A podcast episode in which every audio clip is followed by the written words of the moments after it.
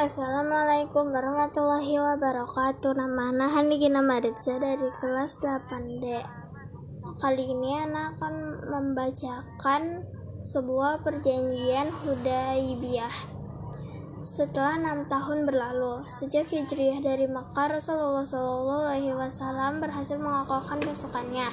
Masyarakat Islam serta daulah Islam menjadi disegani semua bangsa Arab. Setelah itu, beliau mulai memikirkan langkah lain. Langkah-langkah tersebut adalah cara untuk semakin menguatkan dakwah daulah Islam dan dan melemahkan musuh-musuhnya.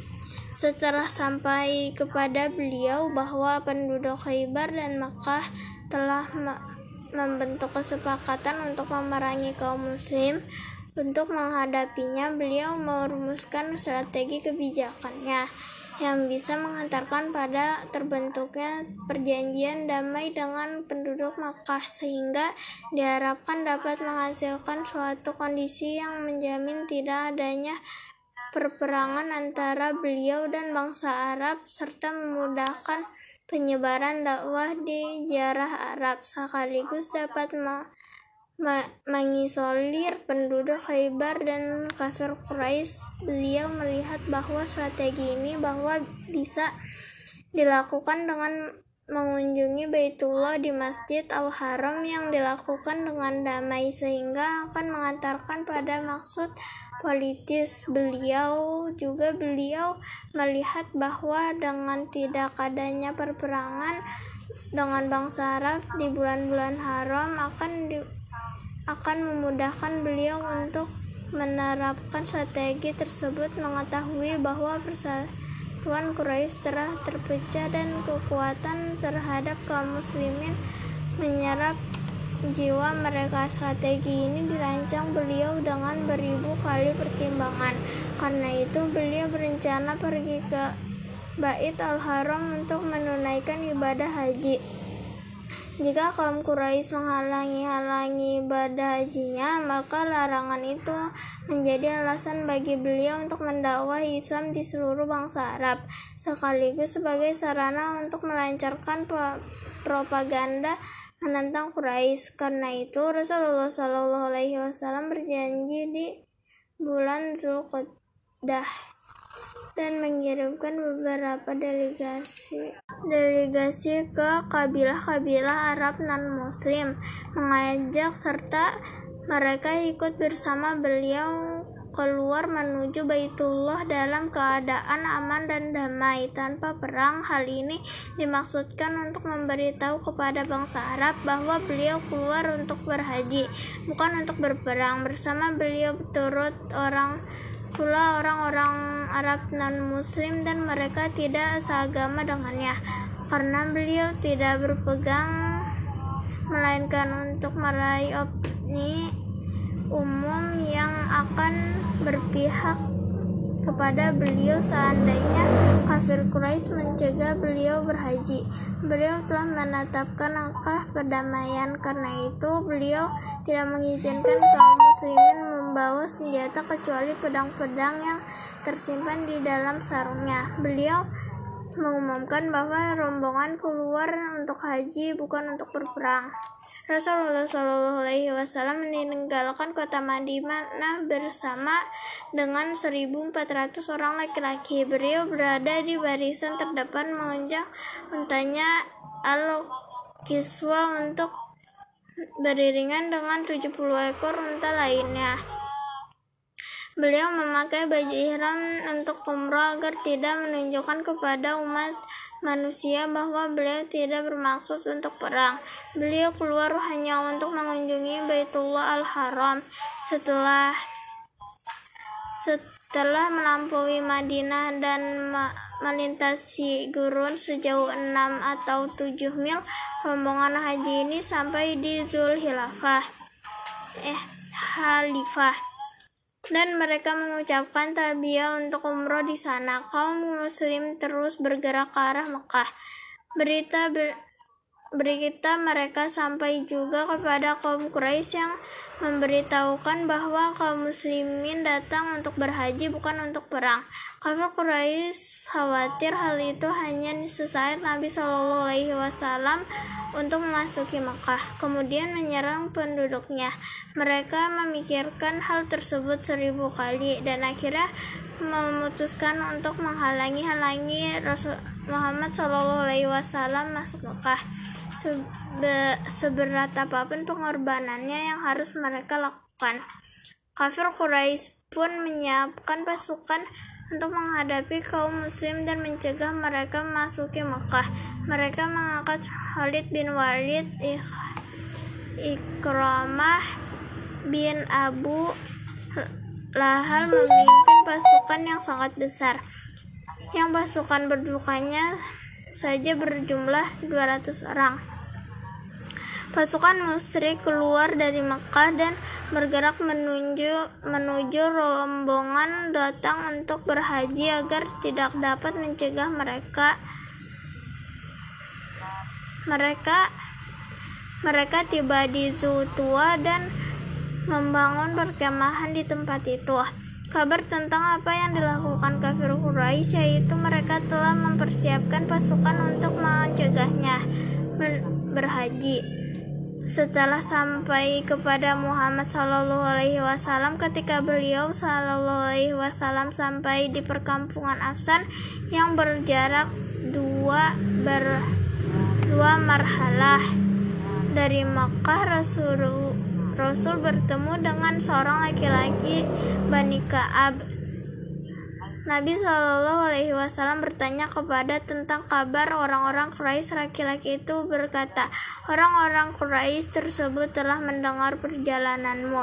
Mereka keluar dengan membawa perisai dan pakai baju kulit macan tutul. Mereka membangun perkemahan pasukan di Zutua.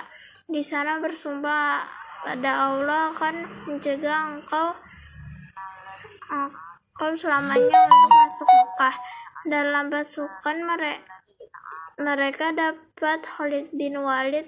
Mereka bergerak maju ke ke Kiro Al-Ghamim satu tempat yang jauh dari perkemahan kaum muslim di Afan sejauh 8 mil. Mendengar kabar ini Rasulullah Shallallahu Alaihi Wasallam berkata, celakalah orang-orang Quraisy sungguh perperangan telah makan habis diri mereka. Apa yang mereka lakukan andai ya mereka membiarkan antara diriku dan seluruh orang Arab. Jika ma jika memerangiku berarti itulah yang mereka hendaki. Jika Allah menangkap memenangkanku atas mereka pasti mereka masuk Islam berbondong-bondong dan jika mereka tidak melakukannya maka seluruh orang Arab beserta kekuatannya akan memerangi mereka. Lantas apa yang orang kafir Quraisy rencanakan? Demi Allah aku akan terus berjihad atas kebenaran yang aku utus Allah dengannya hingga Allah memenangkan kebenaran itu dan aku binasa karenanya. Artinya beliau akan terus berjuang hingga memperoleh kemenangannya atau mati. Di sini beliau Rasulullah Shallallahu Alaihi Wasallam berpikir tentang perkara apa yang sedang dihadapkannya. Beliau mengevaluasi kembali kebijakan-kebijakan yang yang telah diga, digariskannya. Beliau memang telah menetapkan keputusan menggunakan jalan damai yang tidak menyiapkan diri untuk berperang. Namun kenyataannya beliau melihat bahwa kafir Quraisy adalah mengirim pasukan untuk merangi dirinya sementara beliau tidak ingin berperang.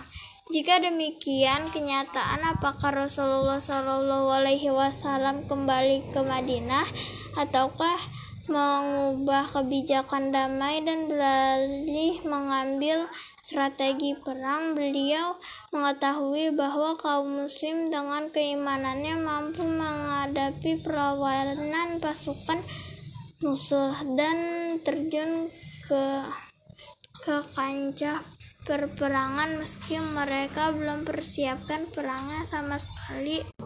Akan tetapi beliau datang bukan untuk berperang dan dan memang tidak menetapkan untuk pergi berperang berperang. Halangi pergi berhaji. Beliau sebenarnya mampu mengatasi hambatan ini. Beliau mencegah persoalan ini hanya menggunakan cara damai, tidak dengan cara perang dan tidak akan terjun ke kancah peperangan. Ke kebijakan damai yang telah digariskan digariskannya beliau maksudnya untuk membentuk opini umum dan kalangan kaum se seluruh Arab tentang dakwah Islam yang yang kelur keluhurannya juga untuk membentuk opini umum yang di kalangan Quraisy. Di seluruh Mekah mengenai kelu, kelu, keluhuran dakwah ini serta membentuk opini umum di kalangannya bangsa Arab Quraisy dan penduduk Makkah tentang kesalahan Quraisy, kesehatan, kejahatan, dan permusuhan mereka. Beliau menginginkan opini umum untuk bisa ini bisa membentuk iklim dakwah yang kondusif karena keadaan. Karena keadaan tersebut merupakan salah satu faktor pendukung dakwah yang paling besar dalam penyebaran dan pencapaian kemenangan Islam. Berdasarkan hal ini, beliau menetapkan strategi kebijakan damai dan tidak ingin dan tidak menetapkan strategi perang. Jika melakukan perang, berarti beliau telah menyalahi strategi itu sendiri dan merusak aspek yang menjadi alasan beliau keluar dari Madinah. Karena itu beliau terpikir keras tentang apa yang harus dilakukan dalam pikirannya. Pandangan beliau mampu membaca jauh ke depan berdasarkan pengalaman yang banyak dan dan kecermatan strateginya dibandingkan dengan per pemikiran manusia mana pun. Dengan demikian, beliau tetap meneruskan strategi damainya sehingga tidak merusak maksud beliau sendiri keluar dari kota Madinah dan tidak menyalahinya. Sementara itu, di tengah-tengah bangsa Arab, kaum Quraisy mempunyai alasan untuk menyerang ke menyerang Rasul jadi opini umum ternyata berpihak kepada kafir Quraisy daripada terhadap beliau. Karena itu beliau menyeru rombongannya. Siapa yang bersedia berjalan keluar bersama kami melalui sebuah selain jalan mereka sendiri? Lalu seorang laki-laki keluar bersama mereka dan menunjukkan jalan kepada mereka mereka menyusuri jalan-jalan yang sulit dan berdas di antara celah-celah gunung dan sempit. Rombongan Rasul ini melewati jalan itu di tengah impitan kesulitan. Menjalani perjuangan yang yang melelahkan sampai akhirnya berhasil melewatinya.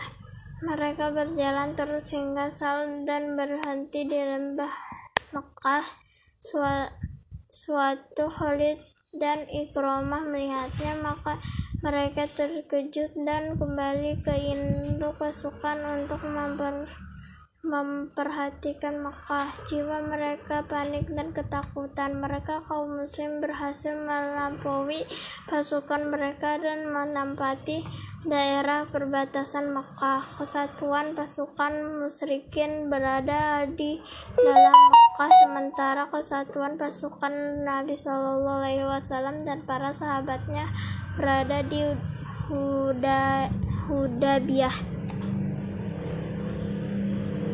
Kedua pasukan tersebut saling berhadap-hadapan. Pasukan Quraisy di di dalam Mekah sedangkan kaum muslimin di Hudaybiyah masing-masing berpikir tentang strategi yang akan di dijalaninya dalam menghadapi musuh. Sebagian kaum muslim berpikir bahwa Quraisy tidak akan membiarkan mereka melakukan haji. Mereka telah mempersiapkan perlengkapan perang untuk menghadapi kaum muslim. Karena itu tidak ada jalan lagi sesuai merangi mereka untuk mengalahkannya dan dan segera melakukan ibadah haji. Dengan demikian, mereka harus mampu mengakhiri riwayat kafir Quraisy dengan hukuman tuntas. Sementara itu, pihak Quraisy juga berpikir tentang mempersiapkan diri memerangi kaum muslimin dengan persiapan yang memungkinkan mampu menyerang dan menghancurkan mereka sehingga mereka terusir dari Mekah. Meski hal itu harus direbus dengan kehancuran Quraisy sendiri. Meski kafir Quraisy harus lebih dulu mempertimbangkan kekuatan kaum muslim beribu kali pada akhirnya mereka memutuskan untuk tetap tinggal di Mekah sambil menunggu apa yang akan dilakukan kaum muslim adapun Rasulullah Shallallahu Alaihi Wasallam sendiri tetap berpen berpegang pada strategi yang telah digariskannya sejak beliau berniat ihram untuk umat di Madinah yaitu strategi damai beliau tetap berpegang pada prinsip ini sehingga berhasil mencapai tujuannya Beliau tetap be bertahan di Hudaybiyah um, sambil menunggu apa yang akan dilakukan kaum Quraisy. Beliau tahu bahwa kaum Quraisy gemetar kenapa takut men terhadap dirinya. Mereka seperti akan mengirim utusan kepada beliau untuk berunding tentang kedatangannya un untuk berhaji. Quraisy kemudian mengirimkan Badil bin Waroko seorang laki-laki dalam rombongan Bani Khuza'ah sebagai utusan perundingan. Tugas yang harus dijalankan adalah bertanya kepada Rasulullah Shallallahu Alaihi Wasallam mengenai tujuan datang ke Makkah dan tidak lama setelah perundingan akhirnya mereka puas karena ternyata kaum muslim tidak datang untuk bermasuk perang melainkan mereka datang untuk mengunjungi Baitullah demi demi mengagungkan kemuliaannya. Setelah itu utusan tadi kembali untuk meyakini Quraisy dengan kabar tadi dan berusaha untuk meyakinkan bahwa Quraisy mencurigai mereka telah berpihak kepada Rasulullah Muhammad Shallallahu Alaihi Wasallam. Mereka tidak mempercayai ucapan para utusan ini. Mereka mengirimkan utusan yang lain di bawah kepemimpinan Mukriz bin Hafsah, namun nasibnya juga seperti utusan pertama. Kemudian mereka mengirimkan Halis bin Al-Qomah kepada suku Al-Bah Al-Habisi untuk ber, be, berunding dengan Muhammad Wasallam. Quraisy percaya kepada kepadanya maupun kaum dalam memusuhi Muhammad Shallallahu Alaihi Wasallam. Quraisy memang bermaksud membangkitkan saudara permusuhannya terhadap kaum muslim. Jika kembali jika kembali dan perundingannya semakin mendekat, Nabi Shallallahu Alaihi Wasallam mengetahui keberadaannya. Lalu beliau memerintahkan agar hewan-hewan sembelihan untuk umroh dilepaskan dah dilepaskan dihadapkan beliau agar hewan-hewan itu dalam pandangan halis menjadi bukti bisa dilihat langsung bahwa niat kaum muslim memang untuk haji bukan untuk perang. Halis pun ber berangkat dong. Dan ketika sampai di perkemahan kaum muslimin dia melihat unta-unta berkel berkeliaran di lembah. Ia juga menyaksikan gerak-gerik kaum muslimin serta hewan-hewan sembeli untuk haji yang benar-benar menunjukkan sebagai rombongan umroh bukan sebagai pasukan perang. Tampak di kemah-kemah tampak di kemah-kemah mereka suasana ibadah pemandangan ini membawa pengaruh yang amat menyaksikan menyakinkan hadis bahwa mereka bersungguh-sungguh bertujuan untuk ibadah bukan untuk perang tidak lama kemudian dia tinggal di daerah peng pengintaiannya dan telah puas melihat kenyataan kondisi kaum muslim itu maka Halis pun kembali ke Mekah padahal dia belum bertemu Rasul Shallallahu Alaihi Wasallam. Dia mengabarkan kepada Quraisy dan meminta pada mereka supaya membiarkan kaum muslimin melaksanakan haji. Halis sangat marah pada sikap Quraisy yang keras kepala dan mengancam mereka tidak akan memberi kemudahan bagi Muhammad yang hendak mengunjungi Ka'bah. Mereka Halis dan orang-orang Al-Habisi akan meninggalkan Quraisy dari Mekah akan tetap Quraisy buru-buru memohon Halis ber bersadar sejenak dan meminta Halis supaya memberi tangguh tangguh agar mereka bisa memikirkan persoalan tersebut dengan matang. Halis pun tidak memperdulikan mereka lagi. Sementara itu Quraisy sementara sementara itu Quraisy mengirimkan lagi utusan yaitu Urwah bin Mas'ud as Asafi tentu setelah mereka berhasil meyakinkan bahwa mereka merasa menatap dan percaya dan dengan pikiran Urwah berangkat menemui Rasulullah SAW mengajak berunding agar Rasul kembali saja dari Mekah. Dalam perundingannya Urwah menggunakan berbagai usul akan tetapi dia tidak berhasil dan kembali dengan perasaan puas dan cara pandang Rasul dia berkata kepada Quraisy, "Hai orang-orang Quraisy, sesungguhnya pernah mendatangi Kisra dan dan kerajaannya dan kaisar itu kerajaan dalam satu kaum seperti Muhammad di tengah para sahabatnya. Sungguh aku telah melihat kaum-kaum kaum muslimin yang selamanya tidak menyerahkan atau Muhammad untuk sesuatu apa pun karena itu pikiran kembali pendapat kalian. Kebencian dalam dendam kasir Quraisy semakin menjadi lebih terus berlangsung dan memakan waktu tanpa lama mencapai kata sepakat melihat ini. Rasulullah SAW berpikir hendak mengirimkan utusan untuk berunding. Barangkali utusan-utusan Quraisy takut terhadap umatnya dan mungkin saja utusan Rasul itu akan dapat meyakinkan mereka. Lalu Rasul mengutus Horais bin Umayyah al-Huzai menemui mereka akan tetapi mereka melukai utusan ini dan kendak membunuhnya seandainya tidak ada pembelaan dari suku Al-Habisi kemarahan Quraisy semakin membara di tengah malam mereka mengirim beberapa orang bodoh untuk melempari kemah-kemah kaum muslimin dengan batu.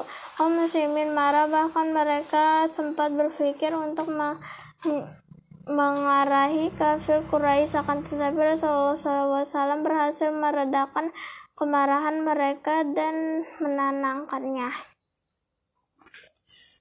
Tersiar kabar bahwa 50 orang dari Quraisy telah keluar untuk mendatangi perkemahan kaum muslimin dengan tujuan menyerang dan menghancurkan mereka tanpa menyisakan orang pun dari para sahabat Nabi. Namun rencana aksi tersebut diketahui kaum muslimin. Lalu mereka ditangkap dan di, dihadirkan ke hadapan Rasulullah. Beliau memaafkan mereka dan menjelaskan tindakan tersebut hanya hanya pengaruh besar di Makkah dan menjadi bukti kuat yang yang menunjukkan perang menunjukkan kebenaran Muhammad SAW ucapannya yang menyatakan beliau datang untuk haji bukan perang. Dengan demikian opini umum di Makkah berpihak pada Rasulullah SAW sehingga seandainya beliau pada waktu itu masuk Makkah dan Quraisy berusaha mencegahnya tentu akibatnya harus mereka hadapi dan penduduk Makkah serta bangsa Arab yang akan memusuhi mereka. Karena itu kafir Quraisy berusaha meredam kemarahan mereka sendiri dan mencoba memikirkannya lagi. Persoalan ini sedikit demi sedikit keadaan maka dan menampakkan tanda-tanda arah damai Rasulullah SAW pun ingin kirimkan utusan yang akan berunding dengan kafir Quraisy beliau meminta umat bin Al-Khattab berangkat ke Mekah namun dia memberi alasan kepada Rasulullah Rasul Aku khawatir kafir Quraisy akan membunuhku. Sementara di Makkah tidak satupun Bani Adi bin Kaab yang akan melindungiku. Perusahaan dan kekerasanku terhadap mereka itu sangat sengit akan Hafan akan tetapi aku mengusulkan kepada orang-orang yang lebih mampu daripada aku yaitu Uman bin Affan. Nabi Shallallahu Alaihi Wasallam memanggil Utsman dan mau dan mengutusnya menemui Abu Sufyan maka maka Utsman berangkat menemui kaum Quraisy dan dan menyampaikan kepada mereka misi surat Nabi Shallallahu Wasallam mereka berkata jika kau hendak tawaf di Baitullah maka tawaflah Utsman menjawab, aku tidak akan melakukannya hingga Rasulullah SAW tawaf.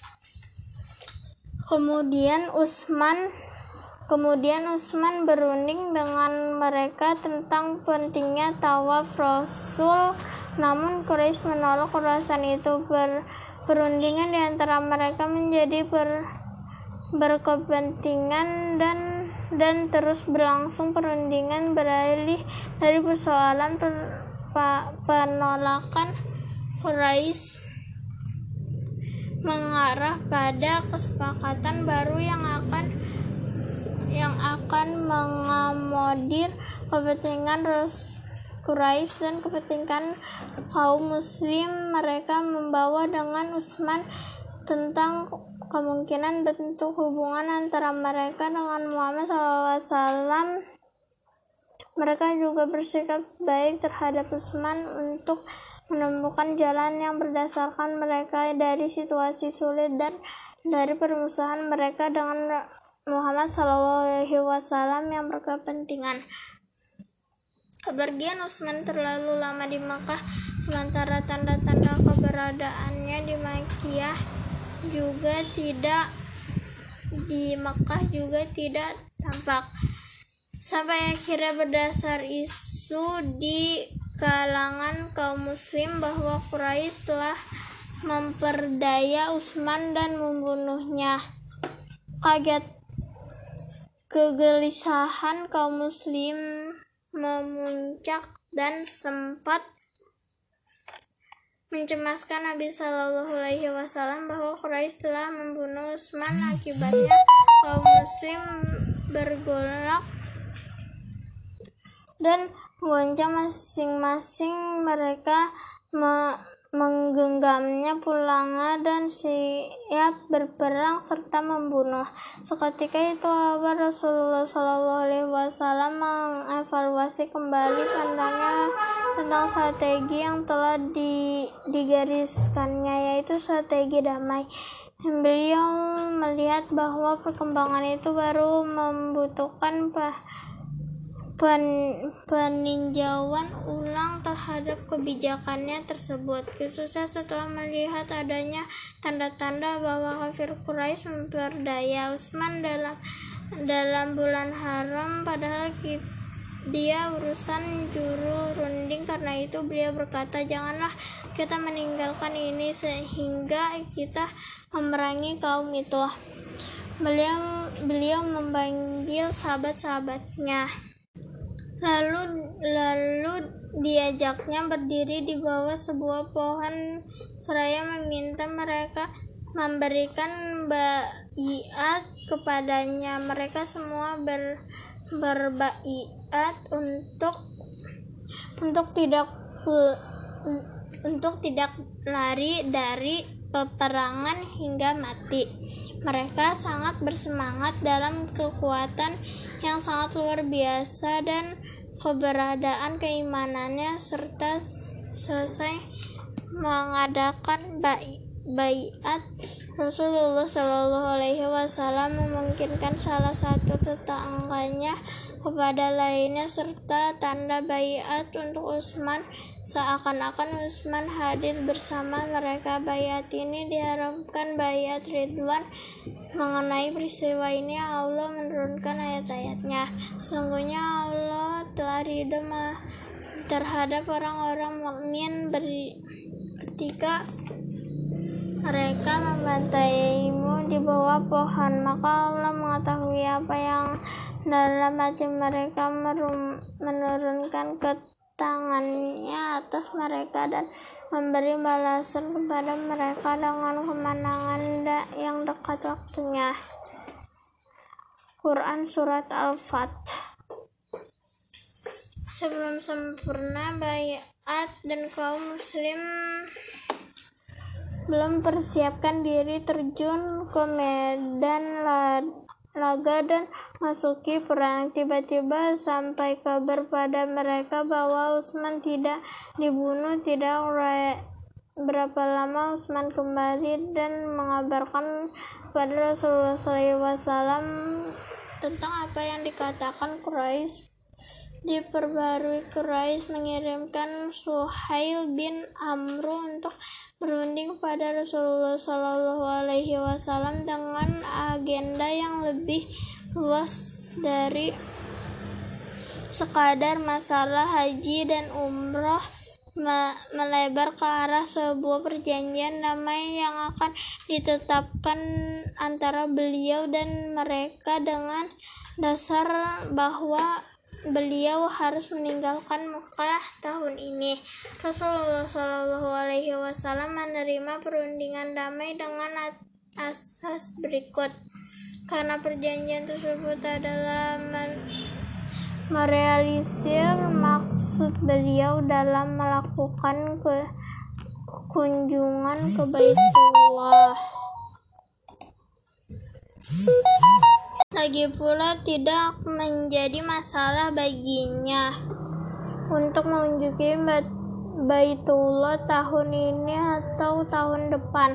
Beliau ber, berkeinginan me, me, mengisolir Khaybar dan Quraisy dan membersihkan rintangan antara beliau dengan bangsa Arab untuk kepentingan penyebar luasan dakwah Islam. Beliau setuju menetapkan perjanjian antara beliau dan Quraisy yang akan menghentikan perang terbuka antara beliau dan mereka maupun perang-perang lain yang memungkinkan terjadinya secara keseluruhan. Adapun masalah haji dan umroh akan tidak akan pengaruh apakah akan dilaksanakan sekarang ataukah tahun depan. Rasul memasuki proses perundingannya dengan juru runding Suhail bin Amr dan dan terjadilah diskusi panjang lebar di antara kedua pihak berkenan dengan perjanjian damai tersebut beserta syarat-syaratnya dalam beberapa kesempatan diskusi tersebut ditinggal ditingkahi beberapa instruksi dan nyaris fatal. Seandainya tidak ada Rasulullah Shallallahu Alaihi Wasallam ke dalamnya mengalam pengalamannya dan kejel, kejelian siatnya kaum muslim berada di sekitar Rasulullah Shallallahu Wasallam menyimak perdebatan tersebut dan mereka menganggap bahwa perbincangan itu berkenan dengan umrah. Sedangkan Rasulullah Shallallahu Alaihi Wasallam sendiri menganggapnya sebagai diskusi tentang per penghentian perang. Hal itu dipandangkan politik kaum muslimin masih sempat sementara itu Rasulullah Shallallahu Alaihi Wasallam bergembira terhadap hal itu dan mengarahkan perjanjian itu ke tujuan yang beliau hendaki tanpa melihat rincian maupun manfaat sesaat. Kesepakatan antara kedua pihak selesai berlandaskan syarat-syarat tertentu. Sayangnya syarat-syarat ini membakar dan me membangkitkan amarah kaum muslim. Mereka berusaha meyakinkan Rasulullah Shallallahu Alaihi Wasallam agar menolak syarat-syarat perjanjian itu dan menggantinya dengan perang sampai Umar bin Al-Khattab pergi menjumpai Abu Bakar dan berkata kepadanya, "Kenapa kita menerima ke kehinaan agama kita?" Umar berusaha mengajaknya pergi menemui Rasulullah Shallallahu Alaihi Wasallam untuk meyakinkan bahwa beliau agar menolak syarat-syarat perjanjian tersebut. Akan tetapi Abu Bakar justru meyakinkan Umar agar ridho terhadap apa yang diridhoi Rasulullah Shallallahu Alaihi Wasallam, namun tidak berhasil. Akhirnya dia pergi sendiri mengharap menghadap Nabi Shallallahu Alaihi Wasallam dan berbicara langsung dengan beliau dengan nada marah. Tetapi pembicaraan Umar tidak mampu meng mengubah kesabaran dan kekokohan Nabi Shallallahu Alaihi Wasallam berkata kepada Umar, "Aku adalah hamba Allah dan Rasulnya. Aku tidak akan pernah menyalahi perintahnya dan dan dia tidak akan menyia-nyiakanku. Kemudian beliau memanggil Ali bin Abi Thalib dan berkata kepadanya, "Tulislah olehmu Bismillahirrahmanirrahim." Maka Suhail berkata, "Aku tidak tahu apa. Aku tidak tahu itu apa." Namun tulislah bis, bismika Allahumma. Rasulullah Shallallahu Alaihi Wasallam menanggapi tulislah olehmu bismika Allahumma. Kemudian beliau melanjutkan tulislah olehmu. Ini adalah perjanjian damai yang disepakati Muhammad Rasulullah Shallallahu Rasulullah dengan Suhail bin Amru, maka Suhail pun memotong seandainya aku bersaksi bahwa engkau Rasulullah tentu aku tidak akan memerangimu karena itu tulisan namamu dan nama bapamu. Rasulullah Shallallahu Alaihi Wasallam berkata tulislah olehmu ini adalah perjanjian damai yang disepakati nama bapakmu Rasulullah Shallallahu Alaihi Wasallam berkata, tulislah olehmu, ini adalah perjanjian damai yang disepakati Muhammad bin Abdullah dengan Suhail bin Amru. Kemudian Ali melanjutkan penulisan perjanjian di antara kedua pihak yang isinya sebagai berikut. A. Perjanjian ini adalah perjanjian gencaraan senjata yang yang mengikat kedua belah pihak. Di antara kedua belah pihak tidak ada peperangan atau saling membunuh. B. Bahwa siapa saja dari Quraisy yang tidak yang telah masuk Islam dan datang kepada Muhammad tanpa izin walinya, maka Muhammad harus mengembalikan kepada mereka Siapa yang murtad dari kaum muslim yang mendatangi kaum Quraisy? Maka mereka tidak akan mengembalikannya kepada Muhammad. Bahwa siapa yang dari bangsa Arab yang ingin ikut serta dalam kesepakatan Muhammad dan perjanjiannya maka tidak akan dihalangi. Demikian juga apa saja yang ingin ikut serta dalam kesepakatan dan perjanjian Quraisy maka tidak akan dihalangi. Yang D tahun ini Muhammad dan para sahabatnya harus kembali dari Makkah. Mereka boleh kembali ke Mekah pada tahun berikutnya. Mereka hanya boleh masuk dan tinggal di dalamnya selama tiga hari. Mereka hanya boleh membawa pedang-pedang dan tersimpan di dalam sarungnya dan tidak boleh membawa senjata lainnya. Perjanjian diadakan dalam bat eh perjanjian di, diadakan dalam batas waktu tertentu misalkan selama 10 tahun sejak tanggal pendatangannya Rasulullah Shallallahu Alaihi Wasallam dan Suhail mendatangi perjanjian di tengah gelora dan kemarahan pasukan kaum muslimin. Suhail berdiri dan langsung kembali ke Mekah. Sementara Rasulullah Shallallahu Alaihi Wasallam masih berada di tempatnya dan suasana kebingungannya. Kemarahan dan ketidaksukaan kaum muslimin yang muncul dari semangat sikap keras dan harapan besar untuk berperang, beliau menemui istiwa yaitu Ummu Salmah yang yang menye, menyertainya dan mengabarkan kepadanya tentang kelakuan mas kaum muslimin. Dia berkata kepada beliau, "Wahai Rasulullah, kaum muslimin tidak akan menantangmu. Sesungguhnya mereka sangat bersemangat untuk berpegang karena agama iman mereka kepada Allah dan risalahmu. Karena itu bersyukur dan ber, bertahau bertahallullah niscaya akan menemukan kaum muslimin melihatmu kemudian kita kembali ke Madinah bersama mereka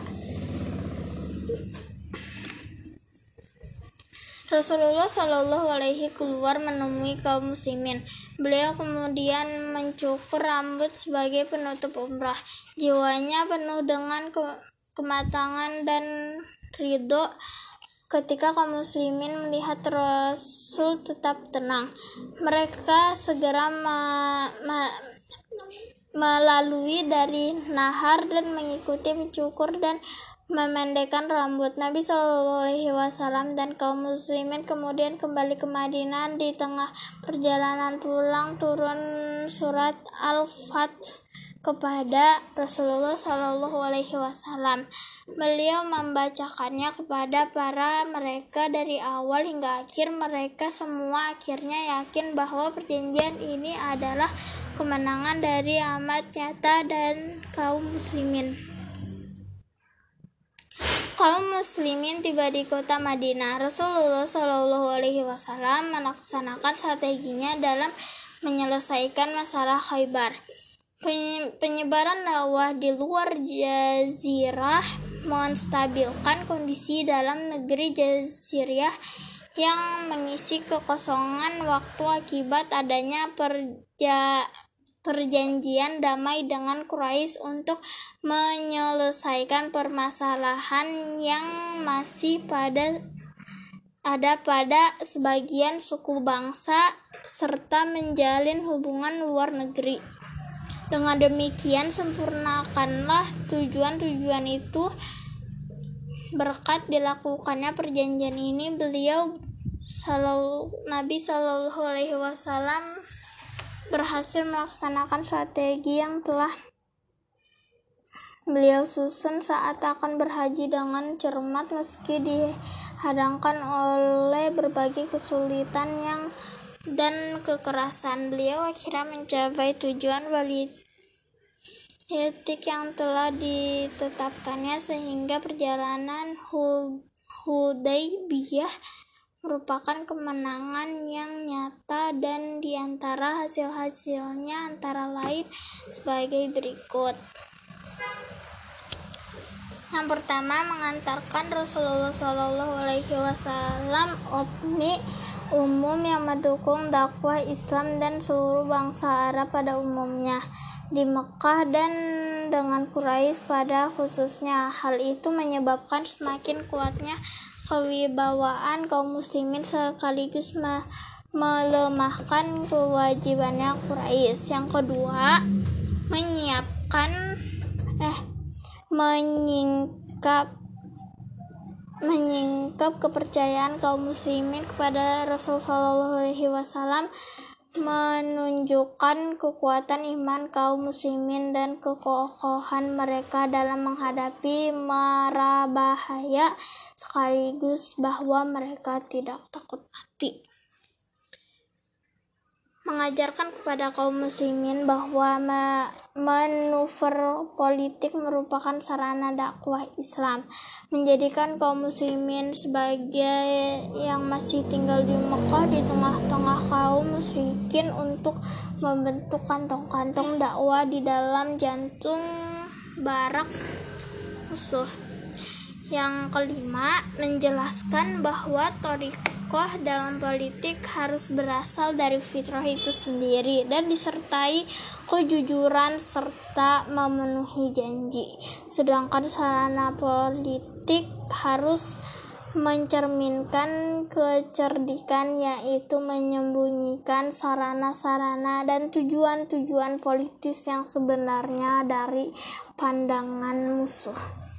Sekian dari Ana. Wassalamualaikum warahmatullahi wabarakatuh.